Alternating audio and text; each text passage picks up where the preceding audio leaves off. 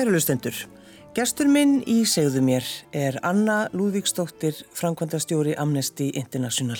Velkomin í þáttinn. Takk. Hvernig bráðast maturinn í Kolumbíu? Hann er ólíkur því sem við vegum að vennjast að mörgu leiti. Eh, það sem kannski kemur nú vart er að hann er ekki sterkur eins og maður heldur. Hann er mildur, ljúfingur, við veitum frábært fráefnið þarna, græmit og ávöxtir, eh, kjött, fiskur. Hann er bara dásanlegur. Já. Hvernig var það þegar þið var bóðið í mat til, já ég voru að segja tilvunandi tengda fjölskyldu eða hvað? í fyrsta skipti? Já, það er nú svolítið mér minnistætt því að hérna, það er skamta á diskin fyrir mann og þannig að maður stýrir því ekki sjálf hversu mikið maður fær oh. og þeir skamta vel og þeir skamta mann eftir þegar maður er hérna langt komin þannig að hérna ég átti svolítið erfitt þarna fyrsta skipti sem ég fór út að uh, reynlega vera bara ekki ofsött alltaf Já. þannig að hérna það var... Maður vera svo kurteis? Já, maður vildi vera kurteis og, og hérna tryggja það í fjölskyldinni líka enn og vimman en auðvitað var þetta bara frá, er þetta frábær matur og, og sýnir bara hver, hversu gestrisnir uh, kólubíu fólk er gestrisnir fólkið er Já, en, en hvernig var það sko tókuðu þið vel þegar að kærasteðin kom með þig? Já, ég hef nú hitt uh, suma úr fjölskyldinni Mammas hafi komið til Íslands áður og ég hefði hitt hann nokkru sinnum og sýstir hans líka. Þannig að svona, ég vissi svo litið hverju voru að fara að taka mótið mér Já. og þær vissu uh, hérna, hver var að fara að koma. Þannig að þetta hérna, var ekki svona alveg fyrsta skipti sem að, uh, ég hitti, hitti fjölskyldina. Nei. En hver hittir þú manniðinn, Anna? Uh, ég hitti hann í Hafnastrætinu fyrir ofan hotnið. Við vorum að vinna þar bæði hjá sjálfbæðilega samtökum og deildum litlu kaffir í mig og, og þar kynntist honum í raunin bara því ég fór í atvinnu viðtal þar, þá sá ég hann fyrsta daginn. Þannig að við þekst síðan 2004 já. og um, já, bara svona fljótlega tókust með okkur nánari kynni en, en hérna fórum okkur þá hægt í sakinnar þegar við vissum að við komum auðvitað frá ólíkum heimum og það var ekkit hans plan að, að setjast hér að. Nei, nei. Allt og kallt hérna? Svolítið kallt, já, svolítið dimt og mikil hundur. Já, já. En, en var hann þá, semst, hann kom til Íslands til þess að vinna? Já, hann hafði sagt, farið frá Kolumbíu til Þískaland sem sjálfbæðileiði mm. á vegum þessar samtaka sem ég vann svo fyrir, alþjóðlungmannaskipti og, og þar kynist að fleiri sjálfbæðileiðum og meðal annars fólki frá Íslandi og hann kemur hinga til þess að kynna sér aðeins land og þjóð og, og ílingist svolítið hérna. En þessi sjálfböðulega sem er að koma, er þetta ekki svona, er þetta ekki í dimmuborgum að búið til gungustíga og alls konar jú, hluti? Jú. Uh, samtökið sem ég vann fyrir alþjóð lungmannskipti, þau voru kannski meira svona í félagslegum verkefnum. Þau voru hjá Gæði Hjálp og í Sólum Grímsnesi og, og fleiri stöðum. Uh, meðan um, samtökið sem hann vann fyrir þá og, og svo síðan með stopnað hans sín eigin samtök vinna meira umhverjusvendi mitt og er að leggja gungustíga og, og hérna planta trjám og reynsastrandlingjur og þess aftur. Já. Og þið búið hér? Við búum hér í Skerjafjörðunum, já. Þrjú börn? Þrjú börn, já, þryggja til 11 ára, það er nú að gera. Og hvaða tungumól taliði heima hjá okkur? Ég tala íslensku og hann talar spænsku, svo talum við ennsku saman. Um, ég skil og tala spænsku og, og hann skilur og talar ágætis íslensku líka. En hérna, við tölum saman ennsku, þannig að þetta eru orðin þrjútungumál heima. Já, hvernig er það stundum ef, að, sko, ef allir er að tala í einu og það er engin að tala saman tungumálið, verður þá svolítið mikið læti? Já, og, og stundum veitum við ekkit hvað við vorum að segja held í eftir matinn. Já, akkurat. Það var, góð, það var góðu kvöldmatur. Já, sögurnar eru kannski sagðar tvisa, þrisa sinu, þannig að allir fá að heyrina á sínu tungumáli. Við erum kannski að tala saman á ennsku og, og Óskar maður minn talar og aðeins endur tökur hann á spænsku og svo kannski gripi inn í og segja á íslensku þannig að þetta er svona, já það getur verið fjör og, og kannski miskilning á stundum. Já, já. En að því hún nefnir annað þetta sko, þið komuðu úr svo ólíkum áttum já. og bara sem, sko, sem þjóð, Einmitt. bara svona hvernig við erum. Er þetta, er þetta mikill munur á? Já, það sem ég hef kynst þá er það mikill munur á. Um, það er Uh, Íslendingar heldur svona upp til hópa eru mikið fjölskyldufólk en þarna er það eiginlega komið annað steg sko, þau, þau hittast reglulega uh, í hátdegismat fjölskyldara mannsins míns hún heitist um, eiginlega alla sunnunda í hátdeismat og yfirleitt, ég man sérstaklega eftir þessu því ég var þarna áður en að börnin fætust og maður vildi sofa út á lögutum og sundum og sími byrja að ringja kannski svona 6 á mótnana til þess að fara að skipla ekki hátdeismatin hvað er hann ætti að vera. Og þetta var kannski svolítið fyrir svona þegar SMS og Messenger og allt þetta sko þannig að það var kannski tíu símtöl fyrir hátdeismat að reyna að finna út hvar, hvaða veitingastafi geti tekið 30-40 manns Já, er það? Og hérna, og svo bara hýst í hátdeginu og hátdeismaturinn er til fjögur fimm og Já. þá fyrir að velta því fyrir sig hver maður er bara kvöldmatt. Þetta er bara ósku beðileg. Já. Meðan að þú kannski alveg einmitt hér á Íslandi þá bara fólk láti verið í friði sérstaklega fram að hátegi á sunnudugum. Já, það er þetta svolítið heila. Það ringir engi fyrir tíu nei, nei. á sunnudugum. Sko. Það er bannað. Já. en uh, við hvað starfar hann í dag þá? Hann er frangotastjóri hjá uh, félagsamtökum, frálsum félagsamtökum sem heita SEEDS og eru í svona sjálfböðlega samtök sem að taka móti og senda sjálfböðlega út um allan heim og taka við sjálfbóliðum bara frá allum heiminum í, sem starfa umhverjusvend hér á Íslandi. Og það í fyrir að koma hátt í þúsund manns en þetta í ár er þetta öðnu saga þannig að það er miklu færi sem koma. Mm. Ertu úr Reykjavíkana? Já, ég er úr Reykjavík, ég hérna ólst upp í lauganisnu uh, og bjóð þar uh, öll mín æsku ár og tveimur heimilum. Og þaðan flutti ég síðan bara út. Mm. Hvert fórstu? Já, eftir, eftir háskólan, þá, eða reyndar áðurni fór í háskóla, þá ákvaði ég að um, hérna, læra svolítið spænsku. Ég hef verið spænsku í mentaskóla og mér fannst mér ekki ganga neitt rosalega vel. Þetta var svona fallfæði mitt og hérna, ég hugsa að ég er búin að eigða hérna þremi fjórum árum í, í tungumál sem ég kanni líka ennþá.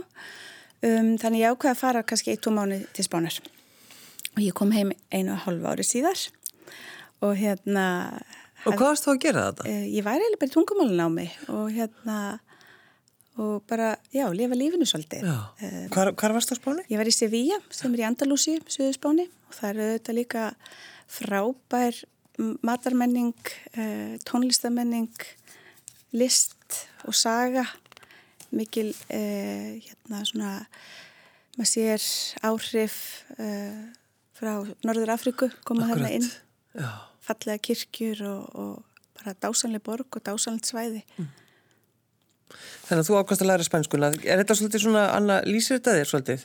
Þú, þú hugsaður, já, ég er ekki nógu góð, þá ætlum ég að bara að gengi í verkin. Já, kannski einhver leiti og uh, hérna, kannski lýsir mér svolítið líka að ég fæ ykkur að fluga í hausin og ég bara eila svona stekka á það, kannski á þess að hugsa út í alla þætti.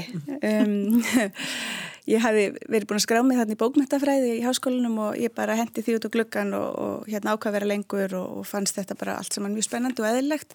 Mamma og pappi voru kannski ekki alveg skrifin, ég var hérna tvítug, e, fannst þetta ekki alveg nógu gott og ég held að ég hef séð, eh, séð það fyrir sér að ég myndi ílingjast þarna en það veðri gott og, og hérna myndi kannski ekki gera það sem þau sá fyrir ég myndi gera í framtíðin.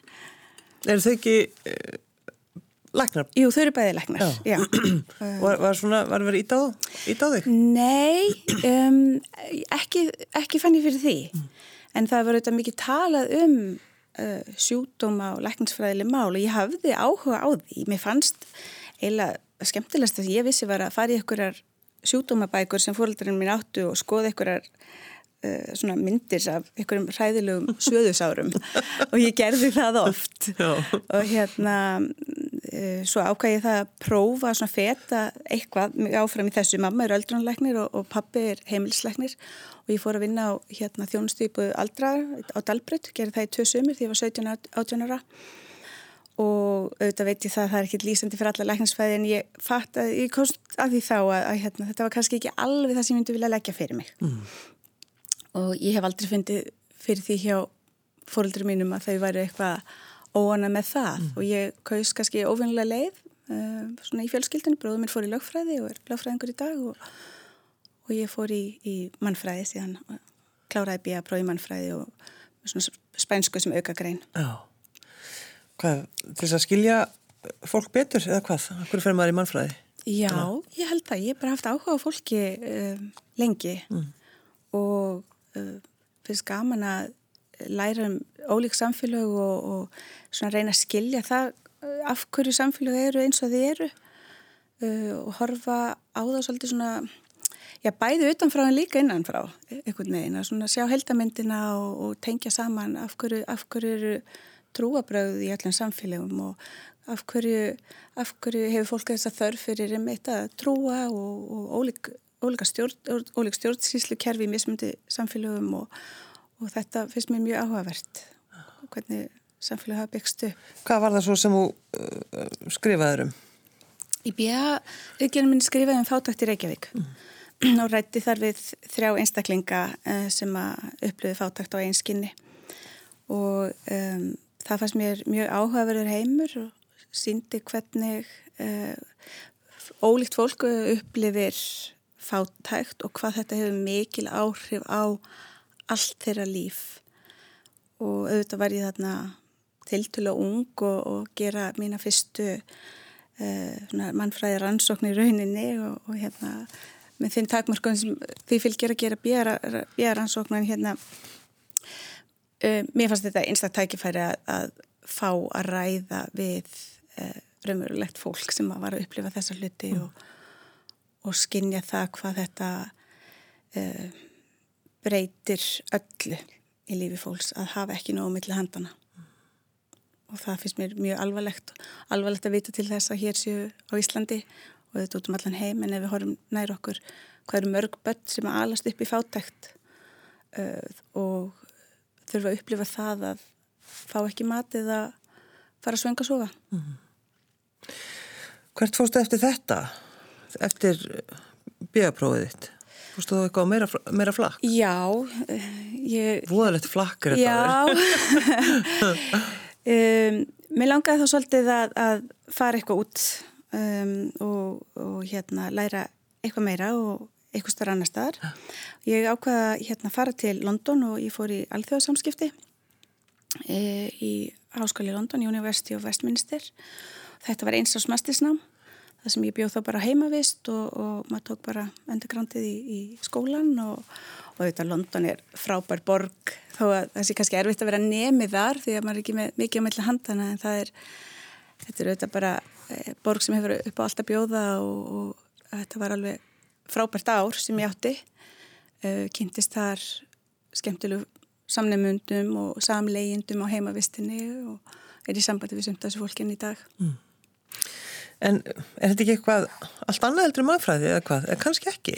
Jú, að mörguleiti það er kannski verið aðeins að svona horfa aðeins meira upp á við eða svona mm -hmm. stærri, stærri myndina og það sem ég kannski bjóst við að fá út á náminu var kannski meira svona mm, praktist nám en, en svo þegar allt kom til alls þá var þetta mjög kenningalegt nám og hérna uh, við, já, við lásum þannig kenningar eftir lungulátna karlmenn, alla jafna og kannski hafði ekkit mikið um það að segja uh, hvaða, í hvað samfélagi við lifum í dag uh, þannig að það komið svolítið óvart en, en einhver síðan mjög skemmtilegt mm.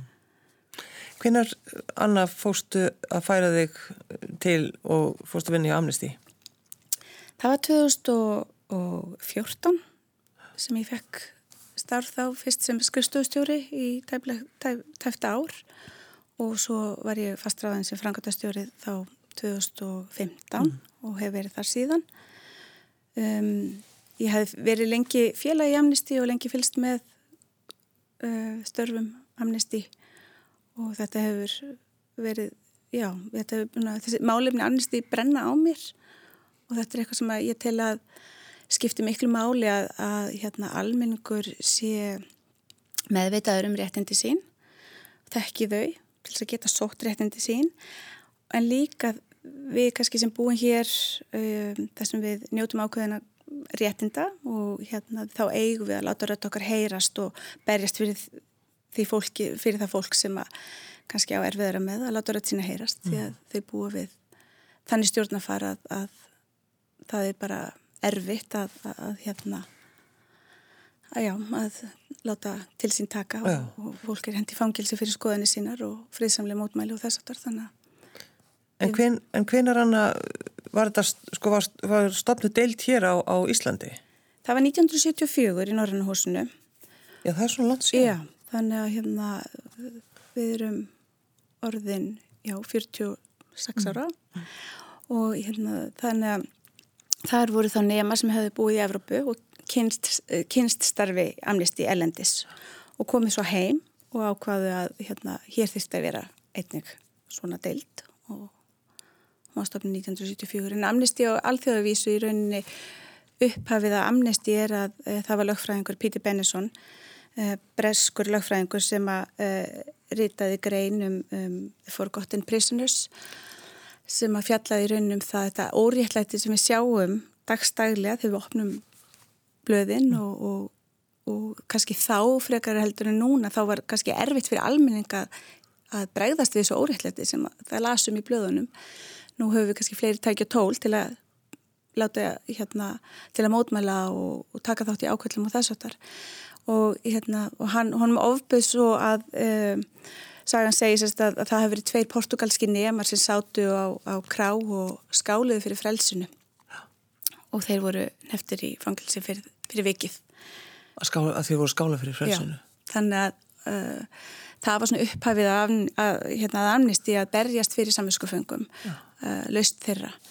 Að, uh, er ekki mitt merkið, það er alltaf, er alltaf sama merkið, er það ekki? Það er gatavírinni gatavírinni í kirkinu, einni fyrir kertinu, kertinu sem að hérna við kallum vonaljós því að ljósið uh, breytur mm. myrkrið sem fylgir því að þetta vera í fangilsi og náttúrulega amnesti bara er út um allan heim. Út um allan heim, já. Það eru deildir í, nú mann ekki kannski alveg fjölda deilda en þetta eru í hundra löndum. Uh, annarkvært deildir eða svona lítil það sem við kallum svona structures. Og vil berist líka auðvitað fyrir fólki í, í löndu það sem að enga deildir eru. Mm. og deildum hefur þurft að vera, vera lokað út af öryggis á, hérna, ástæðum. Og maður finnur það, ég finn það þegar ég fer út á alþjóðlega fundi og hitti aðra framkvæmtastjóra og að hérna raumurleikin sem við búum hér á Íslandi, Norðurlöndum, Vesturlöndum hann er allt annar heldur en framkvæmtastjórar í, ég tekið sem Argentínu mörgum Afrikuríkjum þar sem að þeim er bara daglega eða vikulega hóta lífláti og hérna búa við stöðan óta í rauninni. Á meðan ég finn sterklega fyrir því ég get farið í vinnuna og ég hugsa ekki, um, þarf ekki að hugsa mig yfir ekki. Nei, nei. En hvernig er sko, hvernig eru amnesti hér á Íslandi? Eru þið farin svona að skoða svolítið bara okkur? Bara, bara Ísland? Já, við höfum verið að færa okkur aðeins nær uh, eigi samfélagi og eigi, svona, eigi skoða stjórnvöld hér. Mm. Þá segir fólk, það þarf ekkert. Einmi, sem ég segja það. okay. En við segjum, þetta er nöðsynlegt að við verðum að veita aðhald hér heima líka. Við verðum að, uh, það er ekkit sjálf gefið að stjórnvöld muni, muni eða hafi alltaf virt og vendað mannréttindi. Og um, við höfum, uh, auðvitað höfum við oft verið með og það er bara í gegnum tíðina höfum við verið með svona lobbyisma eða svona þrýsting á Íslands stjórnvöld að samþykja ákveðin lög og koma ákveðin lögum hér á, hér á landi. En, en uh, 2018 letur við gera rannsók um stöðu barna innan helbriðiskerfisin sem fæðast með ódæmikir kyninginni, 1-6 Þetta er fyrsta, er það ekki amnesti skíslan hér á Íslandi? Jú, þetta er fyrsta skíslan sem að hérna, amnesti gerir hér á landi og við vorum mjög stolt af þessu og ánað að fá þetta í gegn. Um, og það, við gerðum dýrinni framaldar rannsók sem hefði verið gerð í Þískaland og Danmark um sama málefni.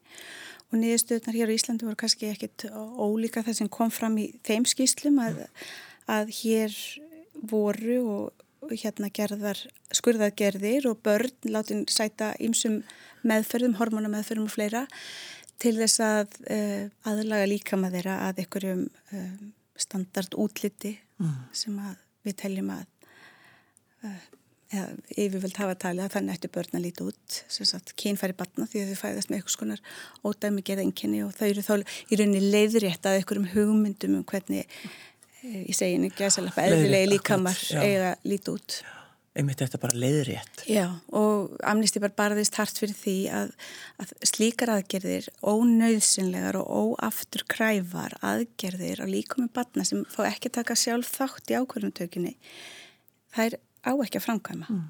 og það fór svo loksins í gegn. Eh, en hvernig fannst ykkur, þú veist, umræðan á þingi þegar þetta var allt svona litið vakti mikla aðtikli Mm, og talaði um þetta í fjölmjölum lengi og ég þarf alltaf að minna á það Nei, hvernig umræðan var.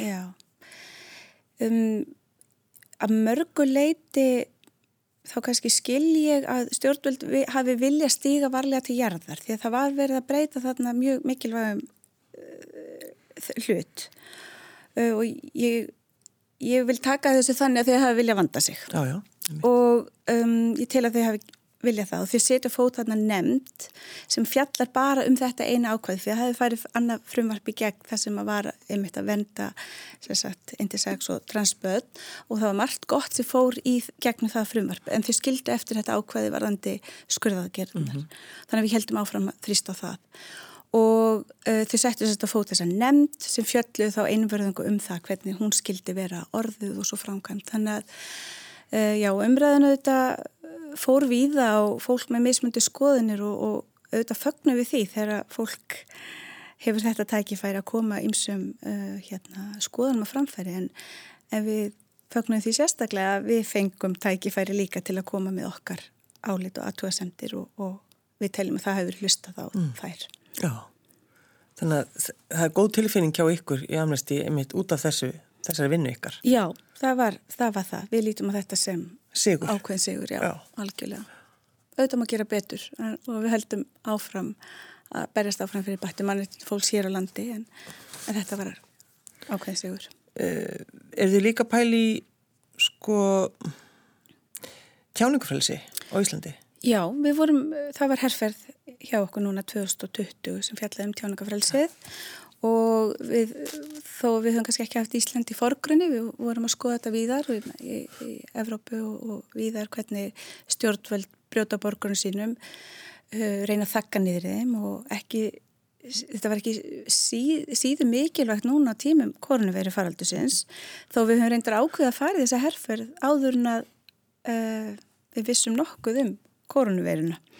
Þetta var ákveð á síðasta ári, síðlega síðasta árs og við sjáum það bara hvað þetta var mikilvægt núna það sem að stjórnvöld beita ymsum lögum, hriðiverkarlögum uh, til þess að þakka niður í borgurum sínum að því þeim hugnast ekki skilabóðin og fólk getur verið að gaggrina ímislegt auðvitað fjöldatakmarkanir, grímuskildu ímislegt og þá er ég að tala um, svona, um, um heimallan en, hérna, en við vildum líka skoða þetta og höfum rætt það mikið innan hús hjá okkur að skoða þetta og Ísleik stjórnvöld hafa látið gera skýslu um upplýsinga óreiðu og þá veldi maður fyrir sér hver heldur á sannleikanum, hver á hver hvað er satt og rétt.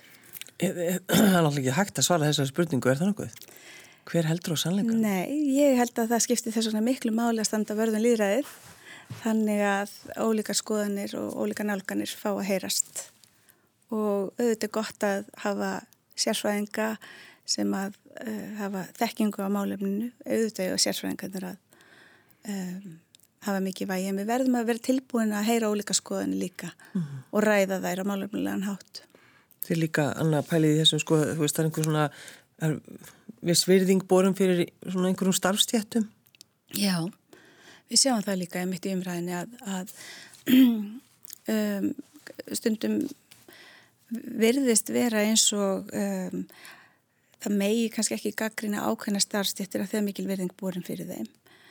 Uh, ég held að það sé hættulegt. Við verðum að uh, fá að gaggrina störf og ákvarðanir stjórnvalda uh, innan saman hvaða starfstjættar það er og við verðum að fá að láta okkar skoðanir heyrast á þess að það sé alltaf fallið í skotgrafinnar mm -hmm. sem er svolítið svona, já og það gerist oft hér á landi. Við erum svolítið góðið því. Já.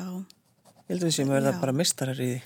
Já, það, já, það er kannski, við, við hjá Amnesty reynum auðvitað að koma þá framfæri um, svona ákveðni kannski sín, ákveðni já, en það eru við bara með mannréttindi í forgrunni, það er það sem skiptur okkur öllum máli að þau séu ver, vernduð og virt mm. uh, Í dag, það er 19. november mm -hmm. og þið er að fara svona á stað er það ekki með svolítið stóra herrferð? Já, á hverju ári þá tökum við þátt í þessari stóru alheims herrferð Amnesty International sem að hefur fengið nafnið Þittna Björgarlífi hér á landi. Þar eru tekin fyrir tíu mál einstaklingu eða hópa sem, að, sem að hefur verið brotið á og við Ísland, hérna fólk hér á landi hefur verið mjög dögulegt að taka þátt í sér herrferð og það er mjög auðveld í rauninni það bara að fara heimasíðun okkar amnesty.is og í örfáðan skrefum eh, skrifa undir þessi mál þar sem að eh, þetta eru gróf og alvarleg mannendabrót sem að við erum að fjalla þarna um og, og við söpnum þessum undirskriftum. Hún heitir um þitt nafn bjarga lífi því að fólk getur skrifað undir lagt sitt nafn uh, á voðaskálanar í rauninni því að við sendum svo undirskriftinnar út til viðkomandi stjórnvalda og við sjáum það að stjórnvöld auðvitað bregðast við svona þrýstingi. Ge stjórnvöld gera það? Já, auðvitað ekki alltaf kannski. Nei. En maður hugsa sendum um það hvað, þetta hefur engan tilgang. Mm, já, við, ég skil alveg að fólk skuli veltaði fyrir sér að því að hérna, það kannski veit ekki meir hérna undirskriftin er að fera á eitthvað blað og það er svo sendt erlendis og hvað svo. En svo fáum við goða fréttir og við vorum með mál frá því fyrra sem var í þeitna bergalífi fyrra 15 ára drengu sem að hlaut döðadóm fyrir uh, að hafa sagt, að verður slís á heimilinast þar sem að annars stráku lætu lífið og, og hann fær döðadóm fyrir þetta. Og uh, í Suðsútan, 15 ára gammal Magai og við fengum fréttir í ágúst að það var búið að áfrýja þessum döðadómi og sérst ákveði það að, að hann skildi ekki verið tekinn að lífi en það eitti hins vera eftir ákveða annan dóm yfir honum. En það eru þetta bara sangkvæmt alþjóða lögum og það má ekki taka börn af lífi. Og amnisti best alfari gegn döðaröfsingun í öllum tilvikum, mm. í öllum aðstæðum. Já, en auðvitað þeirra börni er hlut en frekar. Mm. Hvaða nafn er það núna? Hvaða manneskja? Já, er þetta er um tíu, tíu málu, öll jafn áriðandi en það er kannski eitt mál sem ég fæ minnast aðeins á og það er málina Nassimu. Hún er eh, baratu kona frá Sáti Arbíu, hefur barist fyrir réttundu kvenna, barist fyrir þeim sjálfsögur réttundum að konu fá að aga bíl og fyrir þeim sjálfsögur réttundum að konu fá að fara út úr húsi án þess að vera með fyldarmann með sér eða fá leifi Karlmanns fullarna konur þurfa jafnvel að fara út með ósjálfraða sónum sínum uh, til þess að vera ekki einar á ferð. Og hún hefur barist öttulega fyrir þessu en, en stjórnvöld í staðin fyrir að vera stolt af þessari flottu barist á konu þá neftuði hann í fangilsi hún satt í einangurinn í eitt ár fekk hvorki að tala við fjölskylduna sína nýja lagfræðing uh, eh, nýja hitta samfanga. Í heilt ár? Heilt ár, einangurinn vist og við, hún er ein af, eitt af, hérna, sagt, í eina af þessum málum og, og þannig er þetta að skrifa undir og, og bara krefjast lausnar hennar því að auðvitað hún ekki setja inni fyrir friðsamleg, uh. uh, friðsamlegar aðgerðir. Þannig hún er í fangilsi í dag? Já. Er, er vita hvernig hún, sko, ef, ef maður er einangrun í eitt ár, er vita hvernig henni líður til dæmis núna? Um, nei, það, ég held að, að því að það hefur það er ekki, fólk hefur ekki fengið að hafa samband við hana, lögfræðingurinn fær ekki að hafa samband við hana, þannig að það er lítið vitað. Og haldið þið að með þessum undirskriftum, uh, semst amnesti, að það verði eitthvað hægt að gera? Já, ég er bara full viss um það. Ég, við sáum það, við horfum aftur á Magai í fyrra, þetta var 760.000 undirskrifti sem bárust frá vísförum heiminn. Já. Ef við hugsaum okkur að miljón undirskriftir berist til Sáti Arabæ þeir verða bregðast við. Þeir, þeir finna það að kastljósiður á þeim. Þeir get ekki uh, litið undan og, og láta þetta viðgangast. Og þetta hefur þetta síðan oft forgef, er þetta fordæmisgefandi? Þegar að hérna, eitt mál fær svona mikla aðtikli að þá getur, getur síðan góður hluti gerst í kjölfæri líka en já, ég hef fullt að tróða því. Kemur hún af úr einhverju svona góðri fjölskyldu þessi kona? Þekki kannski ekki alveg alltaf fjölskyldaðstæður hjá henni, nei. Þannig að hún bara tekur þessi ákvörðun að fara að berjast fyrir því að hún megi taka bílbróð? Já, með akabíl og konur eiga að fá akabíl. Reyndar hefur lögunum aðeins verið breytt í Sáti Arabi. Það, hefur, þeim, já, þeim hefur verið breytt í það átt að konur eiga auðveldara með að fá akabíl en, en það er svo margt, það er svo langt í landi ennþá. Mm. Þannig að það eru tíunöfn sem þið er, eða sérst, þetta er ekki nöfn, þetta er náttúrulega bara, já. þetta er fólk, við erum að tala um fólk og þetta. Mm -hmm. Og þannig er þetta, er þetta ólíkar sögur sem við fáum að heyra? Já, þetta er ólíkar sögur. Það er maður þarna sem að bara uh, rannsakaði mannskförf í Pakistan. Uh, hann hefur verið, uh, sagt, hann er horfið núna.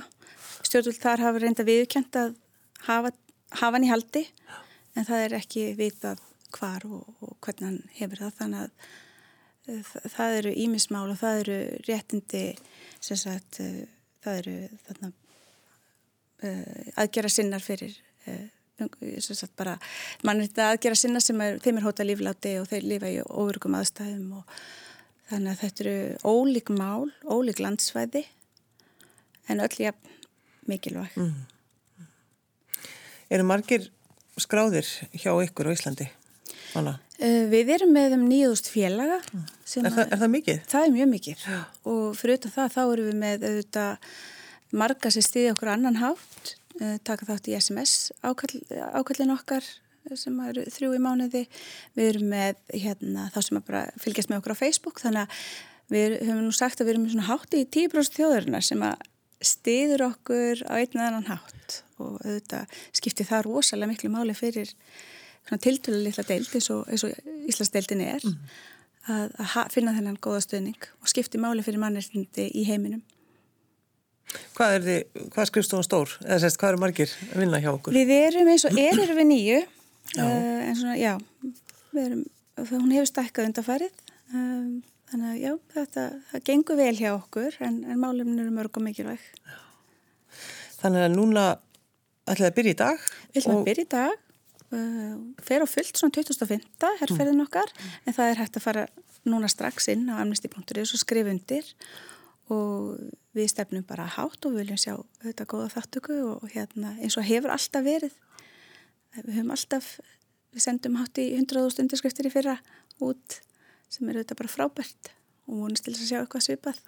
Er þið samt alltaf svona öðru korru Anna Lúðvíksdóttir að, að sapna, að ringja út og þú veist, viljið koma, viljið styrkja okkur er þið... Já, það er raunin auðsileg partur af okkar Já. starfi að, að við halda félaga grunninum okkar og eigi samskiptun líka við félaga. Við getum þess að senda regla post um hvað við erum að gera og góða fréttir og því að það skiptur auðvitað máli líka að fólki sem stiður okkur að það finni það, viti hvað, fyrir hvað málum við erum að berjast og finni það að við uh, komum breytingum á.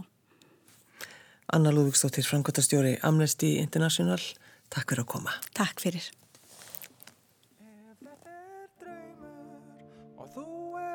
ekki til Þá hefur myndast í eilífðina byrj Og enginn getur fyllt það tómar út Enginn nema þú